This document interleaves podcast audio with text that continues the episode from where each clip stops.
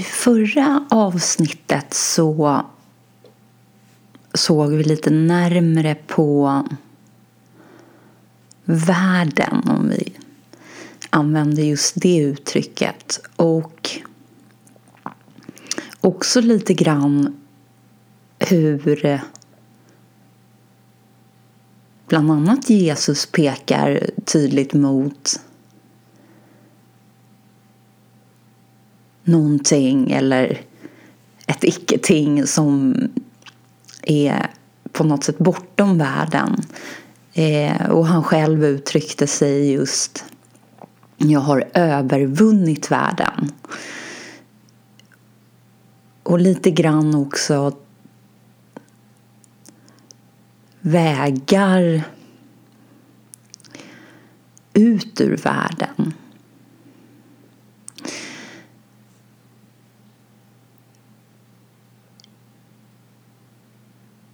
Och om vi till att börja med uppehåller oss en liten stund vid just Jesus och Jesus lära så har vi ju tidigare nämnt och tittat på ett fåtal utdrag ur det som kallas för bergspredikan. Och jag tänkte att vi skulle tillsammans titta lite mer på den.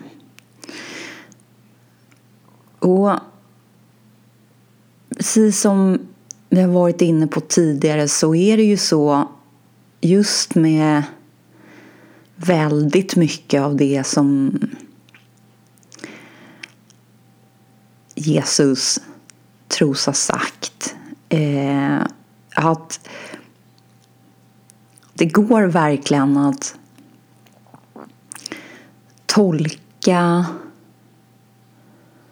och följa det på, på olika plan. Det, det går ju absolut att lyssna på och tolka utifrån att själv vara övertygad om att vara en separerad enhet i världen. En person, om vi får kalla det för det. Och då blir ju en hel del av det han säger i princip onåbart ganska snabbt. Och annat känns som otroligt höga sanningar. Det är eftersträvansvärt men det är ju svårt att uppnå i alla fall. Eh, och andra saker känns väldigt vettigt ur ett kärleksperspektiv.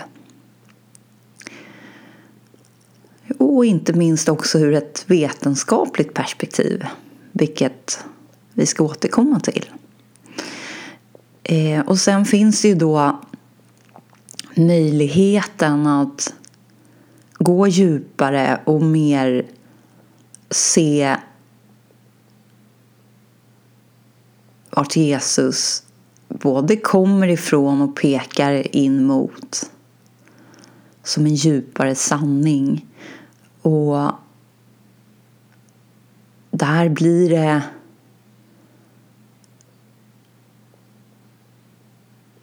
tydligare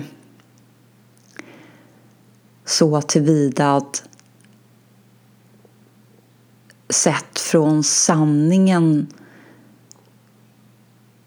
så är ju världen lite grann en annan än vad den tycks vara när vi identifierar oss just som en del av världen och vi tar världen så som vi uppfattar den som faktisk.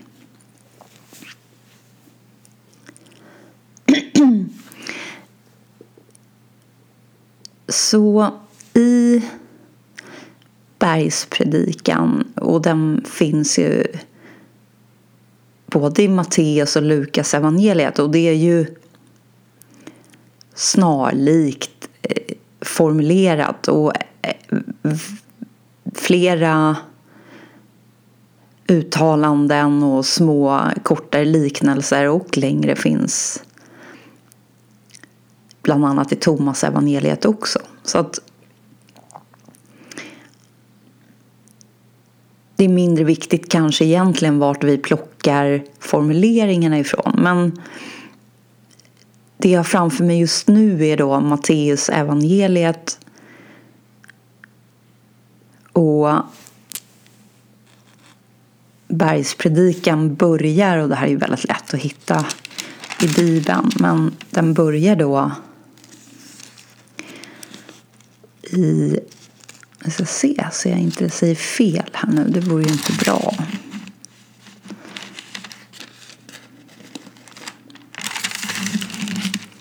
Den börjar kapitel 5.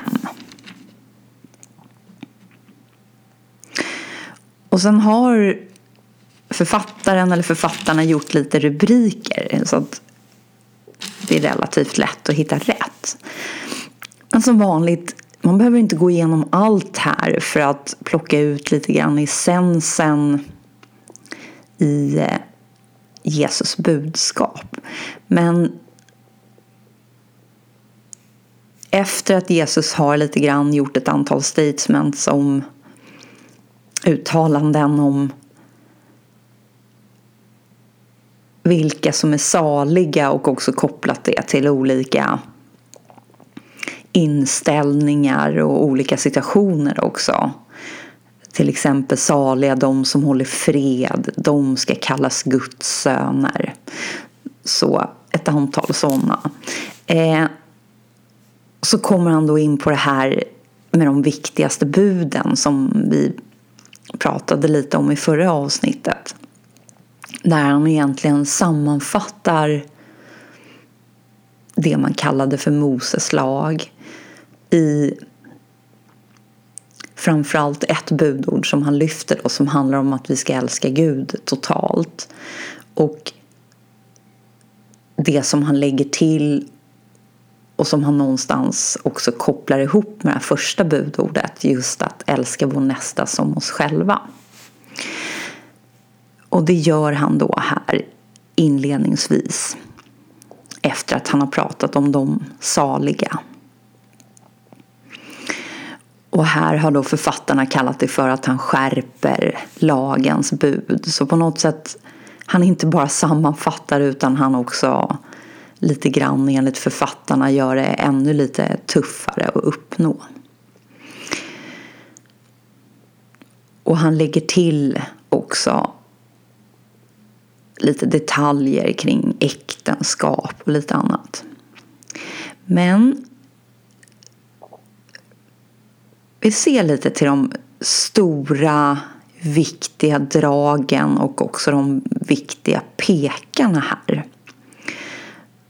Som inte nödvändigtvis handlar om att behöva dyka ner i allt för mycket detaljer.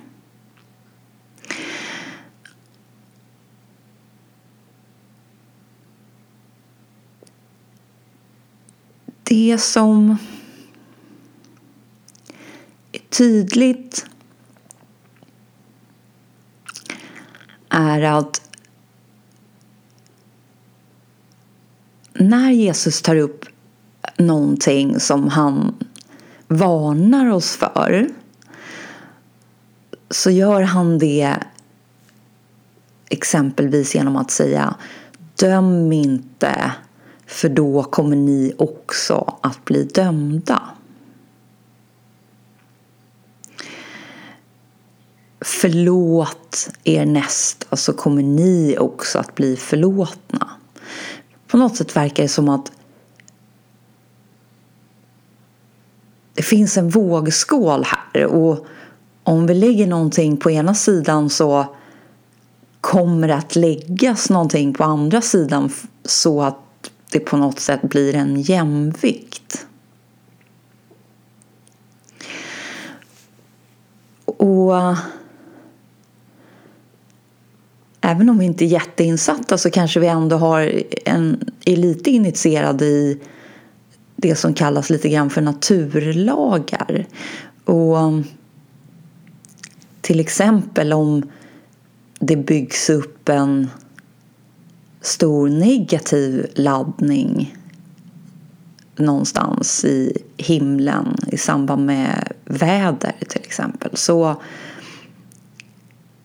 byggs det indirekt upp en spänning, alltså skillnaden mellan då den här negativa laddningen och det som automatiskt kommer i andra änden att bilda en positiv laddning. Så i takt med att en negativ laddning byggs upp så verkar naturen sträva efter att bygga upp motsvarande positiv laddning. Att det frigörs positiva laddningar. Och till slut när den här spänningen når över någon viss nivå som inte riktigt exakt går att säga vad den är för det beror på lite från fall till fall. Då blir det en så kallad urladdning som till exempel skulle kunna vara i form av en blixt. Och den i sin tur leder till att det återgår till ett neutralt tillstånd, det vill säga att laddningarna försvinner. Så på något sätt tycks det som om naturen och naturens lagar strävar efter en neutralitet. Alltså att på något sätt ha, vi kan kalla det för balans också, att vara neutral eller att vara i balans. Den är inte det hela tiden utan tvärtom. Men, men strävan verkar ändå gå åt det hållet. Och naturen och vi och allt annat, alltså allt är ju även sett ur ett, om vi ska kalla det för vetenskapligt perspektiv, det är ju olika former av energi. Så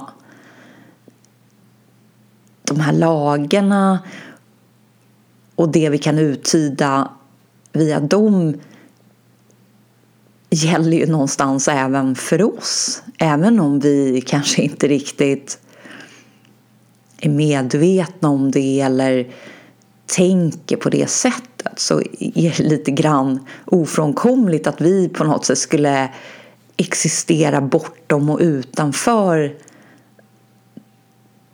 naturlagarna. Och det ju, finns ju många människor som har konstaterat det här. Det är ju inte på något sätt något nytt. Eh, och Jesus som sagt gjorde det väldigt tidigt. Eh, och, och också ganska tydligt egentligen.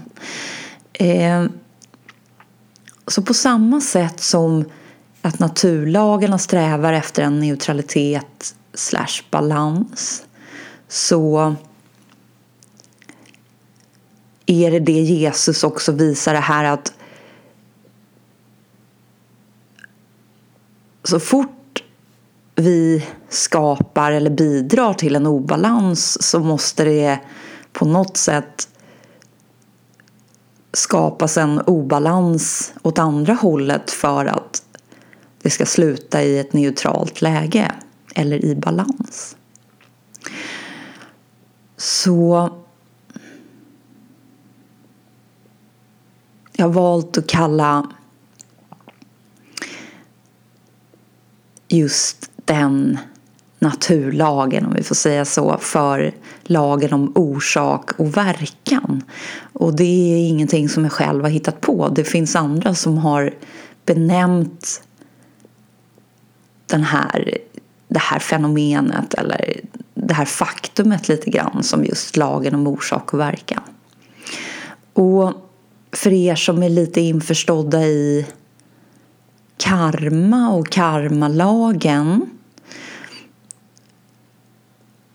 så låter det säkerligen bekant.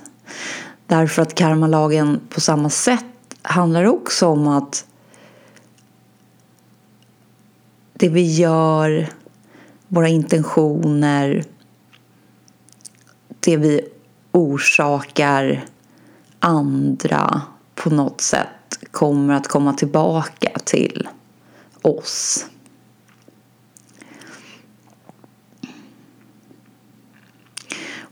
Och sen kanske vi kan lämna utanför om det kommer att hänga med till nästa inkarnation. Eller det egentligen faktiskt också mindre viktigt för det är inte riktigt där som vi vill landa här. Utan någonstans konstatera att på samma sätt som naturlagarna verkar så finns det motsvarande naturlagar eller egentligen kanske samma även om vi kanske då har hittat andra benämningar för dem och ser på dem lite annorlunda. Men egentligen de här naturlagarna gäller rakt av. Och det handlar ju också om att om vi ska se lite nyktert på tillvaron utan att på något sätt gå ner på en djupare, om vi får kalla det för andlig nivå, så är ju allting egentligen små, små något ting som flyter runt i ett enda stort odefinierbart ingenting. Det, det är ju så allt det här är uppbyggt och ser ut om vi skulle zooma in ordentligt. Så att sett ur det perspektivet så varför skulle det här inte gälla överallt och på lika villkor? Och det andra som är tydligt i Jesus uttalanden det är någonstans att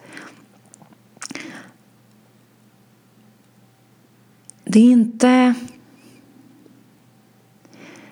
handlingen i sig utan det är verkligen också intentionen.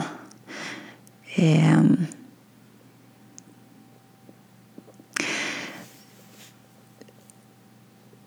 och en sån liknelse han gör är just när han tar upp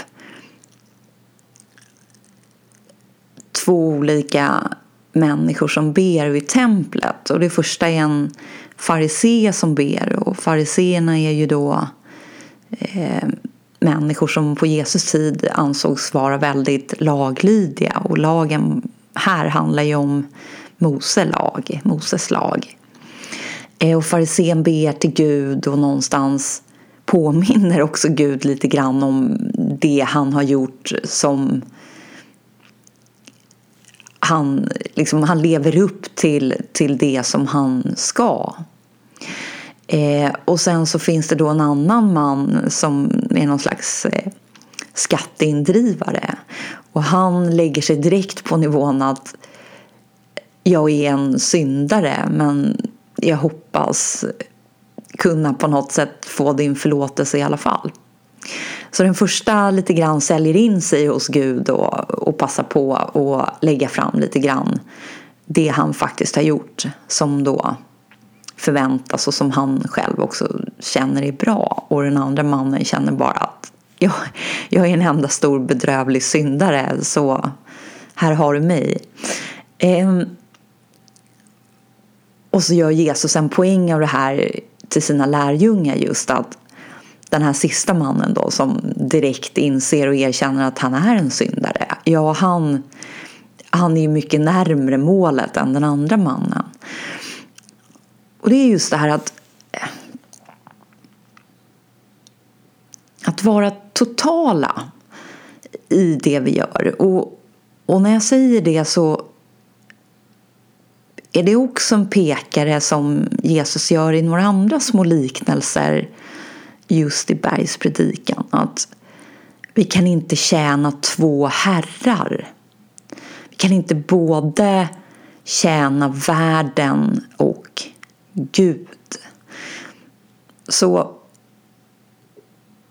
då blir vi inte totala. Det, det är som att då är vi hela tiden också lite grann om vi framförallt ser till att tjäna båda då så är vi ju inte helt ute ur världen. Vi, vi bortser inte riktigt ifrån världens egna spelregler och det andra som vi uppfattar i världen, det vill säga mycket andra människor och det spelet som pågår där. Så att på något sätt menar han att det går inte. Och, och de liknelserna finns även i Thomas evangeliet. Just det här att du kan inte rida på två hästar. Alltså vi måste välja här. Och vi måste stå totalt i det ena lägret någonstans. Och det är upp till oss. Här har vi verkligen vår fria vilja. Det, det är verkligen upp till oss vart vi står någonstans. Så på något sätt handlar det också om att vara totala i avsikten, i intentionen. Och också tydligt i Jesus uttalanden här att det, det finns ingenting dolt här. om, vi, om vi återigen säger sanningen här istället för Gud så blir det lite mindre konceptuellt. Det, det, vi kan inte dölja någonting för sanningen för sanningen är någonstans överallt gällande. Så att det är en tanke eller om vi säger ja men jag någon säger så här, vi måste ju förlåta honom, måste säga förlåt nu, det här var inte okej. Okay. Och så säger vi, ja men förlåt, men vi känner inom oss att nej, det känns inte rätt att förlåta honom, för jag känner mig också förorättad. Men vi gör det för att vi lite grann blir tvingade in i det eller för att det ser bra ut. Ja, det är ju inte totalt. Utan någonstans handlar det om att verkligen känna att ja, 100% förlåt från min sida därför att jag ser att jag verkligen har bidragit till att den här situationen uppstod och det tar jag helt och hållet ansvar för. Jag är total i mitt förlåt och det handlar också om att jag vill kunna gå vidare och verkligen vara fri från den här situationen och energimässigt kunna släppa den. Eller vad det nu handlar om. Så Jesus gör det tydligt att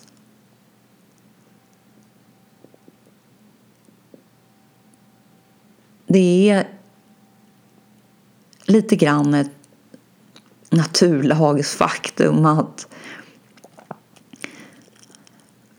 orsaker kommer att få verkningseffekter. Och det som kommer läggas med i det handlar inte bara om rena handlingar, alltså åh jag gav så här mycket till de fattiga, utan långt mycket mer min avsikt, min intention.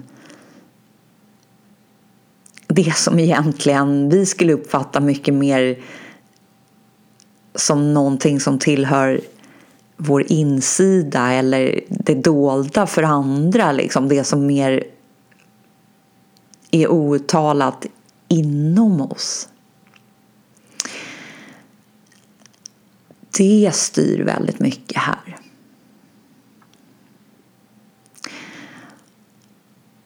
Och precis då på samma sätt som jag var inne lite på så ser kan vi se motsvarande i hin, inom hinduismen och buddhismen lite grann. Att de också ser de här lagarna eller liksom, vad vi nu ska kalla de här fenomenen som att de faktiskt existerar i världen eller samsara eller beroende av vilket begrepp vi väljer att lägga som en slags sammanfattning av det. Men det ena är då karmalagen och det andra handlar väldigt mycket om intentionen bakom handlingarna och att den, vilket Buddha är tydlig med i sin lära, det, det är liksom där det avgörs. Så om inte din intention är rätt så kan du nästan skippa skippa handlingen därför att den, den kommer inte ha någon effekt riktigt så. Det, det, om du går ut och gör rätt lite grann så spelar det ingen roll om din intention inte är med.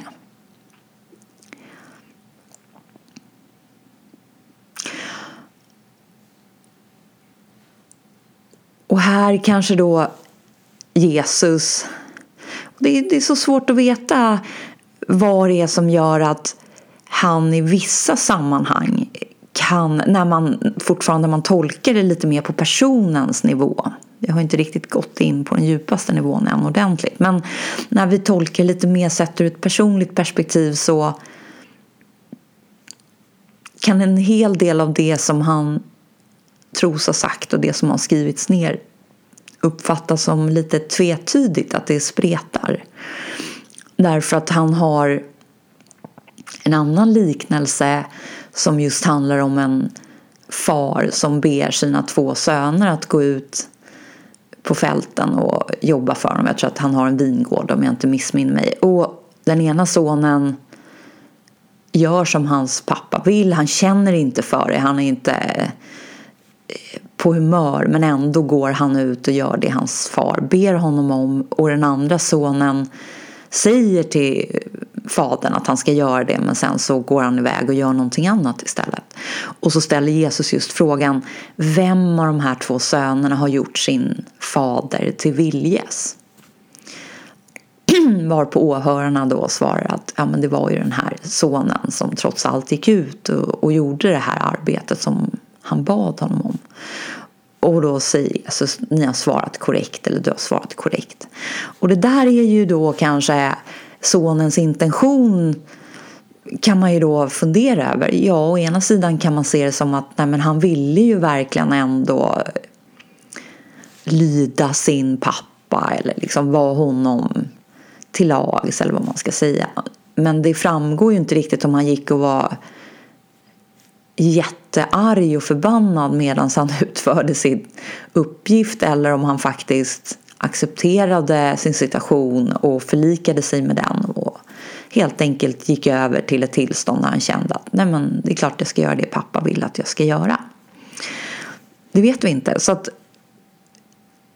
lite det här med avsikten och det, det, det kan spreta lite. Men vi håller oss lite mer nu till då bergspredikan och stannar upp där och tittar på det eller ser på de uttalanden som då finns nedskrivna och inklusive de liknelser som finns med. Så där sett även ur personens perspektiv så finns just det här med att handlingen och intentionen kommer på något sätt att få effekter. Och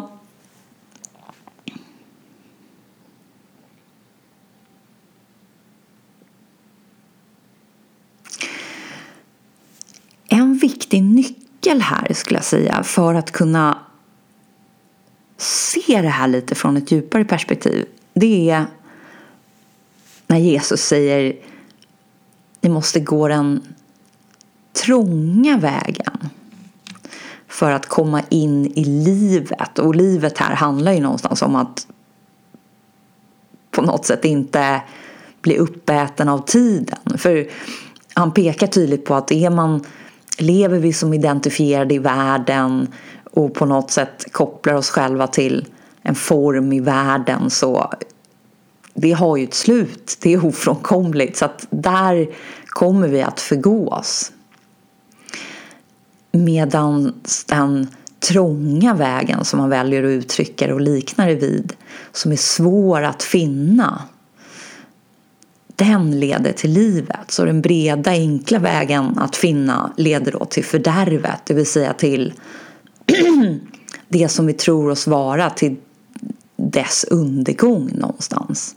Medan då den trånga vägen, den som är svår att finna, kommer leda in i livet. Och där är jag övertygad om att ni kan börja ana lite grann hur jag ser på den pekaren och vart den pekar någonstans. Och det är ju på samma sätt som Jesus liknar då himmelriket till en början med senapskornet som är oändligt litet nästan, inte riktigt men väldigt, väldigt litet och hur det att nära det, att fokusera på det, att vara medvetet där någonstans kommer att leda till att utvecklas till ett stort träd. Så någonstans att den trånga vägen tycks trång och, och den kommer många gånger säkert kännas trång därför att det de flesta andra väljer kanske är någonting annat och det vi känner att vi hade valt om vi hade varit identifierade som personer i världen också hade varit någonting annat. Men, men ska vi stå kvar i sanningen så går det inte att göra de valen riktigt. Men den trånga vägen då och den som är lite svår att finna därför att den kräver någonstans att se lite förbi det vi är intränade i.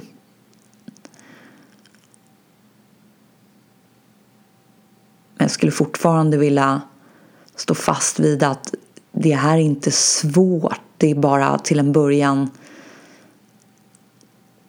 inte hemtamt. Men det betyder inte att det är, är svårt eller någon, det, det, det, är liksom det är så nära där vi själva befinner oss. Det, det finns ju här, så oavsett livssituation så kan vi verkligen gå dit direkt utan minsta ansträngning. Men på något sätt kräver det ju att sakta ner, att stanna upp. Därför att det är så finstilt, så lågmält jämfört med världen.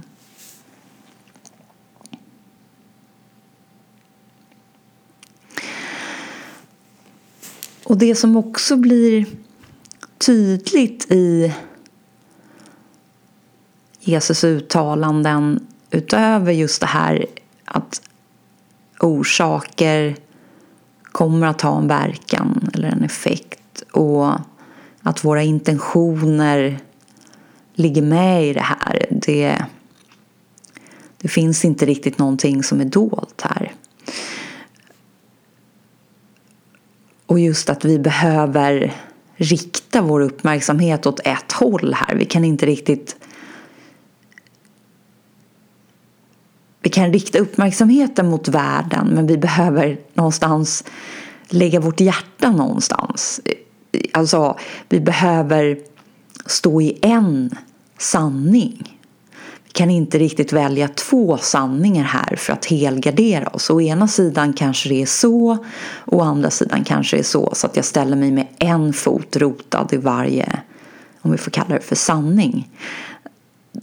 Det visar Jesus tydligt här att det är ingen bra idé. Det, det kommer inte riktigt att gå vägen. Så här är vi lite grann igen tillbaka till det här med sann tro på något sätt. För att ha en sann tro oavsett vad den övertygelsen och faktiskt inte bara jag tror för att jag inte vet utan någonstans det här är det som är sant för mig. Oavsett vad det är, oavsett vad vi väljer att det är så behöver det på något sätt vara rotat inom oss som en övertygelse som handlar om att jag kan inte se att det skulle kunna vara på något annat sätt. Det här är det som, det är den enda sanningen som jag kan se och uppfatta och stå fast vid. Där behöver vi lägga oss. Och för att göra det enkelt då så pekar Jesus på antingen det ena eller det andra och han gör det liksom ganska tydligt egentligen. Han säger till exempel ni kan inte tjäna två herrar både Gud och pengar eller Gud och mammon. Eller liksom, det blir tydligt någonstans. Okej, okay, ni kan inte välja både det och det. Och just pengar då. Är det, är det just pengar i sig som han menar här? Eller är det mer symboliskt? Står det för någonting? Och jag skulle säga att det gör det absolut. Det, det han egentligen pekar på här tydligt är att allt som tillhör världen, alltså det relativa. Om vi står rotade i, i sanningen som handlar om att det icke-manifesterande, det absoluta, det som på något sätt möjliggör och ligger till grund för att det andra ska kunna uppstå och sen försvinna. Men liksom för att det relativa överhuvudtaget ska kunna existera på något sätt. Det är liksom sanningen. Ja, då blir det ju uppenbart att det är där vi ska fokusera för det är där allting skapas. Det är ju inte i att fokusera på något relativt som flyktigt existerar, som flyktigt uppstår och sen försvinner. Att, att på något sätt se att vi kan skapa på den nivån, nej men det blir ju inte sant. Så någonstans om vi återigen den här liknelsen lite grann den som vinner, vinner hemma. Den vinner inte genom att gå ut och kämpa för att vinna. Man kanske vinner lite grann där och lura sig till att tro att det här funkar. Det här är inga konstigheter, det här kommer gå bra. Men, men det kanske är lite olycksfall i arbetet. Men det det faktiskt handlar om är att vända sig hemåt, det vill säga till den verkliga orsaken eller liksom den verkliga skaparen av allt det som vi uppfattar som ting och som till en början tycks vara så verkligt.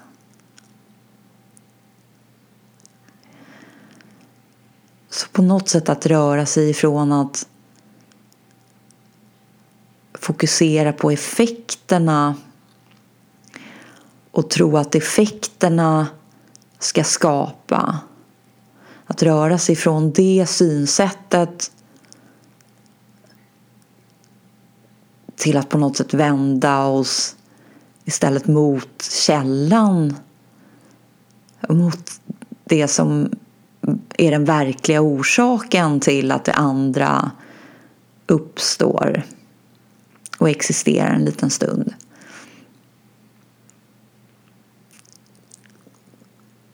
Och ha då lite mer, man skulle kunna kalla det för kanske ett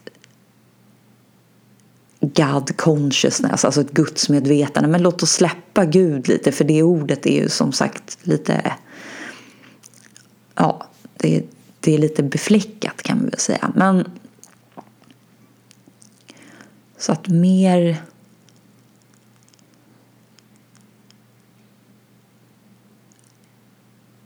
rikta vår uppmärksamhet och fylla vårt medvetande med källan snarare än effekterna.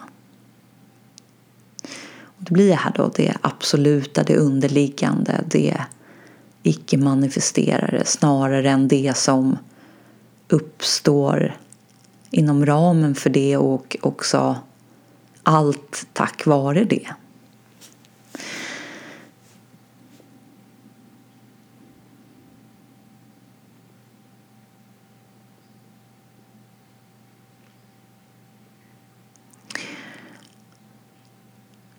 Och någonstans eh, att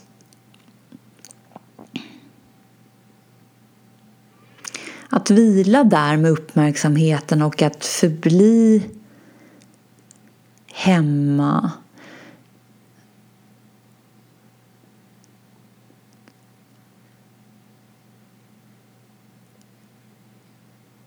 Gör också att våra perspektiv skiftas och att det som Jesus pekar lite på här och det som även hinduistiska skrifter och läromästare pekar och har pekat på och även Buddha och Buddhas lära. Det blir på något sätt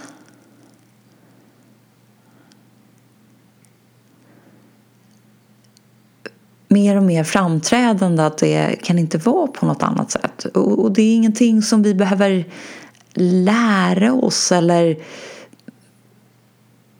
tvinga oss själva till att försöka ta in som en sanning utan det det blir uppenbart mer och mer, ju mer vi förblir hemma. På något sätt, det som Jesus pratar om här, det blir tydligt att det kan egentligen inte vara på något annat sätt. Och um, ni har säkert också hört talas om allt ifrån det här till The Secret och lagen om attraktion till Abundance Book. När man då ska under 40 dagar eh, läsa en liten text och sen sitta i stillhet en stund efteråt varje dag. Och det är tio olika texter så på dag elva så börjar man om och så gör man det där under fyra gånger tio dagar som blir 40. Och, och de här texterna handlar verkligen om att vända sig hemåt mot källan. Det är, det är någonstans verkligen att rikta bort sin uppmärksamhet ifrån världen och det att, att tro att det är därifrån överflödet ska komma på något sätt. Till källan, det som verkligen då ligger till grund för allt som, som på något sätt uppstår och försvinner i det vi skulle kunna kalla för världen. Eh, och det finns en annan bok som heter The Science of Getting Rich och som också handlar om mer andligt och andliga lag eller vad vi nu ska kalla det för. Så att det, finns uppenbarligen eh, många som har försökt både skriva ner det här och pratat om det här och gjort filmer om det här och så vidare. Men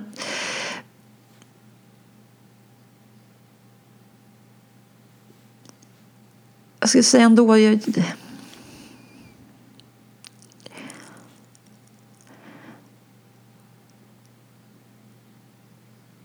det, det, det som är mest fascinerande är att när, när vi riktar vår uppmärksamhet hemåt och förblir hemma utan någon förväntan eller att vi på något sätt väntar på att nu, nu kommer det någonting utan bara är där för att det också känns rätt att förbli där. Det är, det är lugnt. Det händer ingenting egentligen fastän vi registrerar det relativa så känns det ganska flyktigt. Så saknas ingenting, vilket gör att hela det här att skapa och bygga upp förråd och, och så vidare. Det,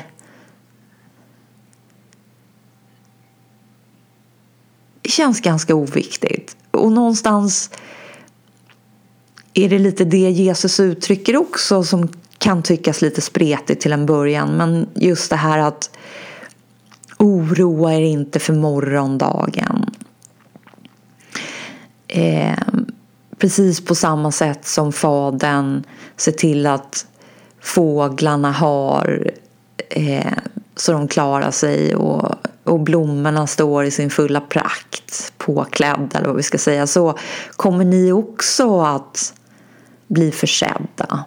Och den som har han ska få. Och det handlar ju om en känsla av att ha, eller hur? En känsla av att vara rik. Det är ju inte nödvändigtvis så att det kanske då syns i tillvaron på det relativa planet särskilt mycket. Men man upplever sig rik, man känner sig rik. Det handlar ju mer om ett förhållningssätt snarare än ett faktum. För någon kan ju på pappret faktiskt ha mycket tillgångar och vara rik men ändå uppleva att de behöver mer eller saknar eller vad det nu är. Så att det är mycket mer den inre upplevelsen och det inre fokuset snarare än att det finns någon yttre sanning. Och, och det där behöver vi ju inte leta länge för att se att det, det faktiskt är så att det var någon som berättade för mig, för att ta ett sådant exempel, att man har tydligen gjort lite studier och jag vet inte hur omfattande de här studierna är så ni får ta lite med en nypa salt. Men ändå, eh, människor som lever med reumatism och reumatiska smärtor och alla som har känt på lite sådana här smärtor vet att de är inte att leka med. Eh, men tydligen så är de lite lyckligare än andra människor. Lite mer nöjda i sina liv. Och det, det är ju lite, går ju lite emot egentligen hur man kanske tänker sig att det borde eller till och med skulle kunna vara. Och det säger också lite grann att när vi kanske blir begränsade i våra liv på grund av vår kropp eller på grund av smärta till exempel så hjälper livet oss lite grann att öppna upp ögonen och öppna upp oss själva för att vända blicken lite åt ett annat håll. Det är inte lika roligt att kanske fokusera på kroppen och alltid vad jag kan göra med, med hjälp av den för att den gör ont och den är inte lika rolig att fokusera på just nu. Så jag vänder min uppmärksamhet, jag riktar min uppmärksamhet någon annanstans. Och då kanske det handlar om att nej men idag gör det inte så ont. Eller jag kan ju faktiskt ändå baka mitt favoritbröd här. Jag behöver ju inte gå ut i skogen och gå två mil för att känna att jag mår bra. Utan jag kan faktiskt stanna här hemma och, och göra det här istället. Eller vad det nu kan tänkas vara.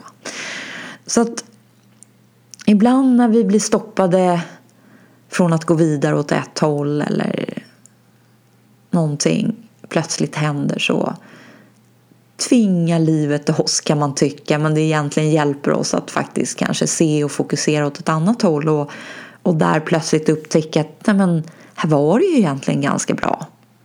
Trots att jag inte såg det så visar det sig att det här var ju bra hela tiden.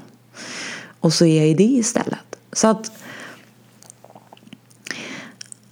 vår inre upplevelse av våra liv, av vår livssituation, av våra alltifrån tillgångar och så vidare. Det, det är ju våran sanning. Det är ju det som vi lever i som en sanning för oss. Och det behöver inte vara särskilt kopplat, det är sällan kopplat till någon slags faktisk sanning sett ur det yttre perspektivet.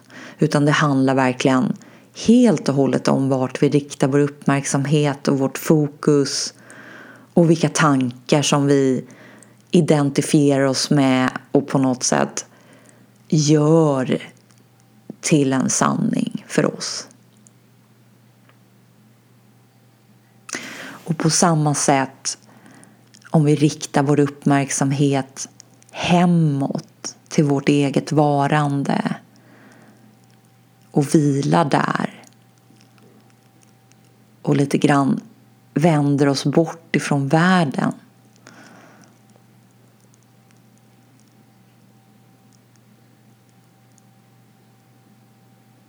Då först uppfyller vi Jesus uttalande som säger ni kan inte tjäna två herrar kan inte rida på två hästar, kan inte spänna två bågar. Och det är inget intellektuellt val han är ute efter här. Det kan vara det till en början men det måste landa i hjärtat. Därför att han säger också att ni kan inte ha hjärtat på två ställen.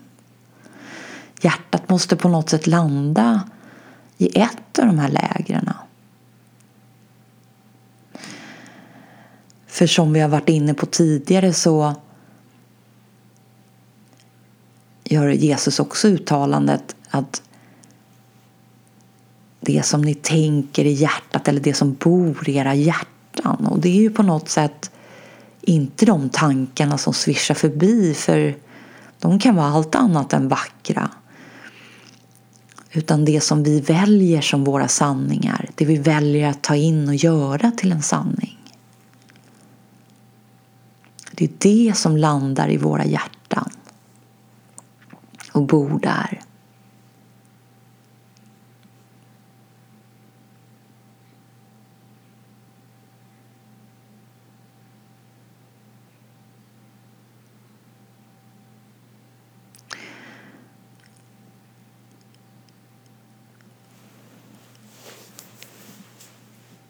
Och Jesus använder också en annan liknelse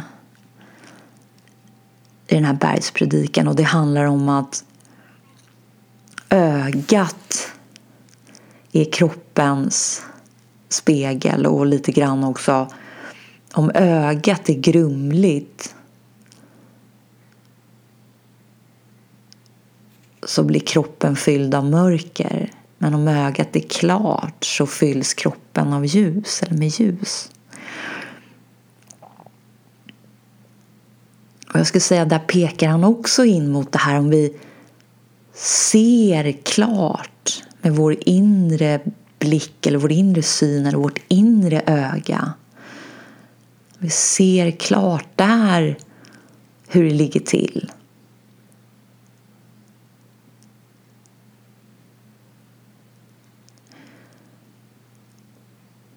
Blir vi på något sätt lite frikopplade ifrån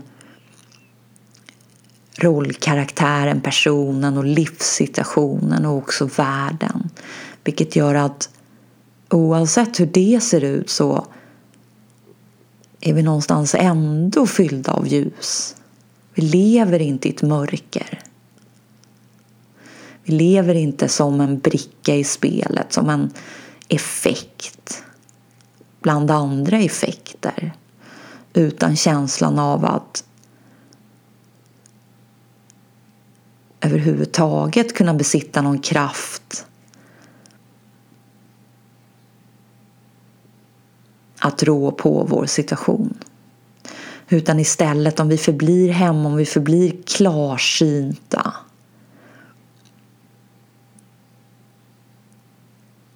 då ändras perspektivet och då ändras upplevelsen också.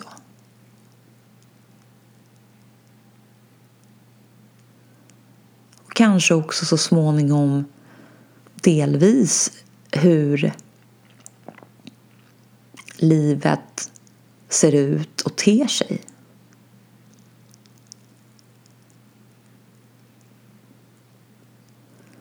Därför att det är vårt perspektiv, det är vår inre upplevelse som, som styr helt och hållet hur vi uppfattar världen, hur vi uppfattar vår livssituation. Hur vi uppfattar och lever våra liv. Och därför någonstans så gör bland annat hinduismen. Och även också Buddha, om än kanske inte lika tydligt, men just det här att karma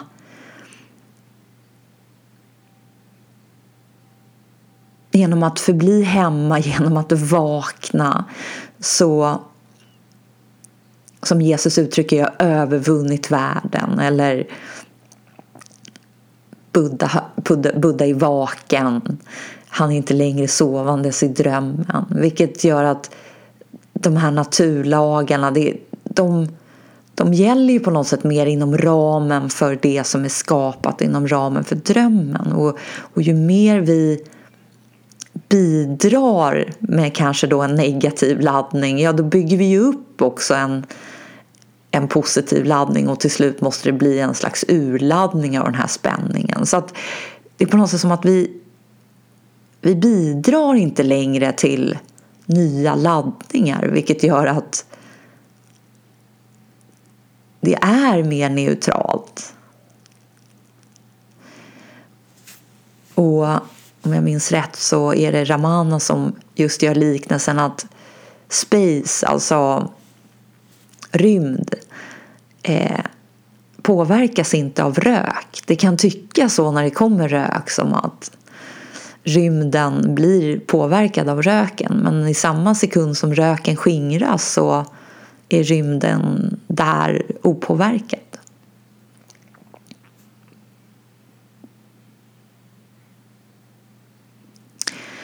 Så det finns lite grann två sätt att leva i världen på om vi ska vara väldigt enkla här nu och utgå lite grann ifrån Jesus bergspredikan. Och det ena sättet är då att förbli hemma. Rikta uppmärksamheten hemåt.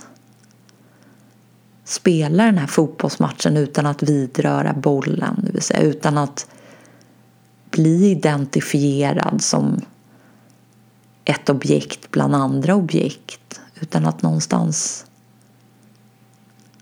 förbli nollan.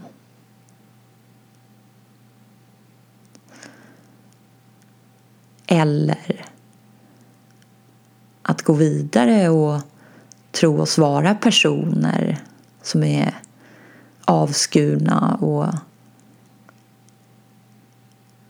autonoma, det vill säga självständiga. Och det är upp till oss. Och vi skapar sett utifrån personens perspektiv i världen.